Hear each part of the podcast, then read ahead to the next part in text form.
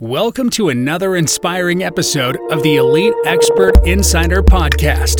Hosts Melanie Johnson and Jen Foster are the owners of Elite Online Publishing. They're both Wall Street Journal, USA Today best-selling authors. We're really glad you're here because this podcast was designed for you. Meet industry experts that share their secrets and strategies. Get successful results for your business in money, relationships, health, and your life. Each episode is going to inspire you to take action towards reaching your greatness. Hey everyone, welcome to Elite Expert Insider. I'm really excited to introduce to you an awesome speaker today, Michael Baczynski. He is the expert at marketing your website and getting revenue for your website. We're really excited to have him. He's written a book called The Rule of 26 for Service Based Businesses. So, Michael, thank you so much for coming today. Thanks for having me, Jen. So, tell us, how did you get into the marketing and SEO space? I got into marketing um, early on. I got into sales and marketing as a child because I didn't like working for fast food restaurants where all my other friends had jobs. And by the time I was a teenager, I had already like worked on a farm uh, in my uh, elementary school years and stuff like that. So um, my first job was at Burger King. And I was like, I don't want to do that anymore. So, uh, you know, uh, when you're young, it's sales and marketing. Uh, but mm-hmm. even back then, that was, I'm going to date myself here. That was back in 1987 wow. when I got my first 19, yeah, 1988 was the first year I got a non fast food or food related job. And um, yeah, and so I worked for a company called Bastium Tickets, which is now called Ticketmaster.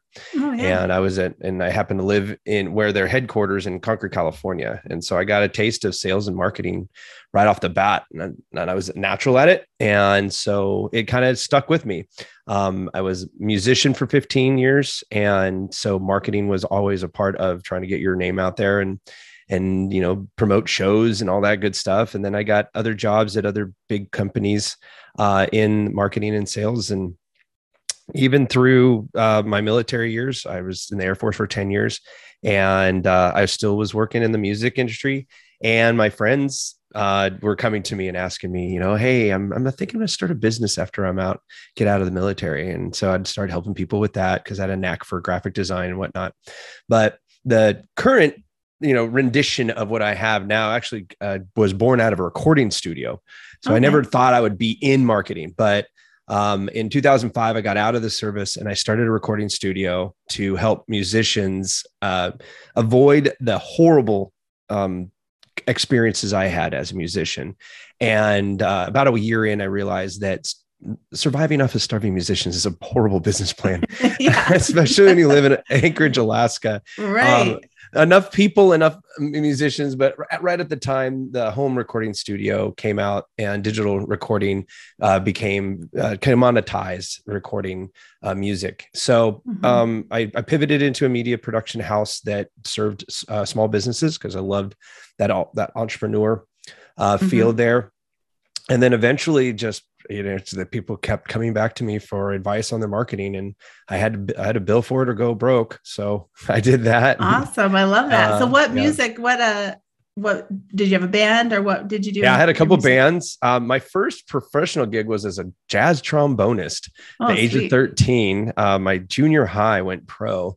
Junior high uh, jazz ensemble went pro and uh, that only lasted a couple of years because we went to high school and you know, kind of went separate ways and whatnot. And so um, I picked up a guitar and taught myself how to play guitar. And then uh-huh. I put together a punk band. Mm-hmm. You know, it was just three of us. And then it was like a uh, like a grunge band before grunge was a thing. And then I had mm-hmm. a power pop band before power pop was a thing. Nice. And, you know, so it was I was always like one step behind the the, the power curve though. Like mm-hmm. like we had a thing called muscle groove and Pearl Jam came out with this really cool sound. It sounded very similar, but they called it grunge, and they mm-hmm. they got a hop on us in Seattle. So we didn't we didn't make the limelight. So when I yeah, so when I got out of the service, I was like, I'm not gonna make it as as a uh, a rock star. I'm not quite tall enough, dark enough, good looking enough.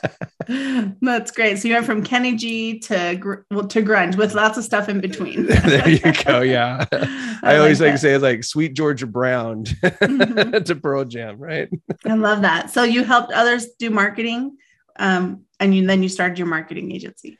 So yeah, so what happens was, you know, when you're in a media production house, people just start coming to you, you know, you're in the creative process. And so the natural question is like, how are you going to apply whatever we're producing? Mm-hmm. And so you get into this marketing uh, conversation mm-hmm. and so i i'm one of those people who just come up with things right off the top of my head really easily and so i start asking uh, creative questions and people are like whoa wait we didn't think of that and wait mm-hmm. our consultant didn't think of that and and i was giving it away thinking well you know the more value i bring in at the front and value in advance you know the more apps are going to be coming back to us but we found is that these people were going to to their consultants and their consultants had their buddies.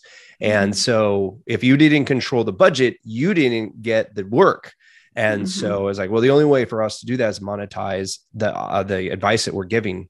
And so the the media production house turned into a creative agency. And so all the way up to about 2018 I actually had a multi-million dollar creative agency but i was completely miserable. And so i decided you know what? I'm going to shut this all down. We're going to redo this. And I sent everybody home and I said, Hey, we're all going to work from home. If you want to stay here, you got to work from home. And this was the beginning of 2019. I launched Buzzworthy Integrated Marketing and where we only focused on website uh, development and website marketing. And we specifically work with service centric businesses. Wow, I love that. And right before the pandemic, so you got everyone oh, already working from out. home. Yeah. Oh yeah, got everything set up. And so tell so tell us, so if you just started a brand new website, what would be the number one thing that you need to do to market that website? Because that's what I used to always say, like having a website's really cool and it can look pretty, but if no one's going there, what's right. the point? And a lot of business owners are like, well, it's on my business card. It's like, okay, well, how many networking events do you go to, right? To get right. to get your business card in other people's hands. So how are you going to get Google to notice you, not just people that are looking at your business card? Right. And yeah, I mean, Google is one way. Search marketing is definitely one of the most profitable uh, organic uh, traffic sources you can possibly get yourself into. There's a statistic out there that says basically that 14% of uh, your traffic from Google will become c- clients, um, mm-hmm. where only 2% from social media, which mm-hmm. makes mm-hmm. search marketing, organic search marketing, seven times more profitable than organic social media marketing. And so, you know, for us, we're very strate- strategy forward. So mm-hmm. when we talk about traffic to a website, we actually say, well, wait, is your website ready for traffic? Mm. Right? Because that's a really web- good question Right. You know, I mean, there's a lot of really bad websites out there. Mm-hmm. And so, one of the biggest mistakes that I see for brand new entrepreneurs who are service centric is that they are stuck talking about them and what they have to offer mm-hmm. versus worrying about what their clients are worried about and mm-hmm. their problems and the problem that you know the entrepreneur solves for them and how they're going to mm-hmm. solve it for them and why they should pick them over their competitors to do to make that solution happen mm-hmm. um, if you look at any service, they do one of two things. They either solve a problem or they obtain a dream, help you attain a dream. Mm-hmm. It's really the only mm-hmm. two things you can do, right? Right. As a service. So uh, instead of this I, we, us all over your homepage, the first thing we do is take a look at it and say, how can we make that you and your? Mm-hmm. of course, you're going to be having us and we because you're going to say, you know, when you work with us to help you with your instead of we do this because we are awesome and you know you should work with us you know there's a lot more mm-hmm. us and we's in there than you right? right and the only time you're saying you is because you're saying you're trying to get them to come to you mm-hmm. um, but if you if you start your website out talking about their problem or their situation or their dream like you know future casting what they are looking to obtain right mm-hmm. want to wear the size six dress you did back in high school. Boom now your your future casting. Oh yeah i do actually. That would be great. Okay awesome. Yeah. well we have this process there you don't have to you know do on a crazy diet and you don't have to starve yourself and you don't you don't you don't you, you don't dot dot mm-hmm. dot dot but you can do blah blah blah blah. Work with us so you can obtain your dream. Awesome. Yeah i love that because when you're just talking about me me me me for your own business no one wants to hear it, right? I mean, when you're in a conversation with someone, you have to be talking about them. So that makes total sense. Yeah, it goes back to a, a saying that says, nobody cares what you know until they know how much you care. Mm-hmm. That's true. And if you care about solving the problem, they're going to want to work with you. Exactly. Awesome. I love that. Well, let's dive a little bit into your book, the the rule of 26. So you talk about in there that there's some simple strategies. There it is. Rule 26. There's simple strategies that you can help create revenue on your website. So yes. tell us a little bit about that. Sure. So the rule of 26 states that if you increase your traffic by or your unique traffic by 26%, your conversion rate by 26%, and your average revenue per client by 26%, you have a compounded effect of 100% more uh, revenue coming from your website. Um, and I, I, created this because a lot of our service centric businesses believe that referrals and word of mouth are going to help them grow exponentially. And we all know that that's untrue. If you've been in business for any amount of time, you know that that's unpredictable growth. And the only place that you own your own message is your website. Mm-hmm. Right. And so mm-hmm. that makes it the most valuable digital asset you have. And therefore, I wanted to find a simple way to show business owners listen, it's not that difficult to wrap your hands around this.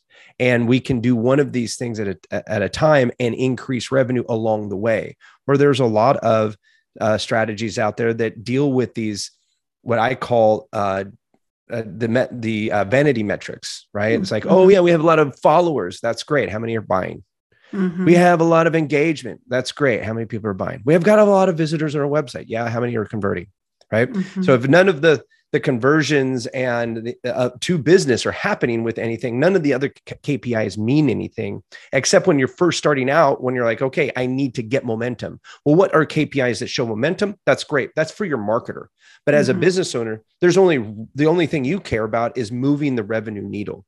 And so the mm-hmm. book goes into uh, simple uh, tactics on helping you increase each of those uh, revenue needle moving ROI, uh, ROI basically mm-hmm. uh, driven KPIs, right? Mm-hmm. And so one of the things we talked about is in the conversions, and we were talking about, hey, are you talking about me, or are we talking about you?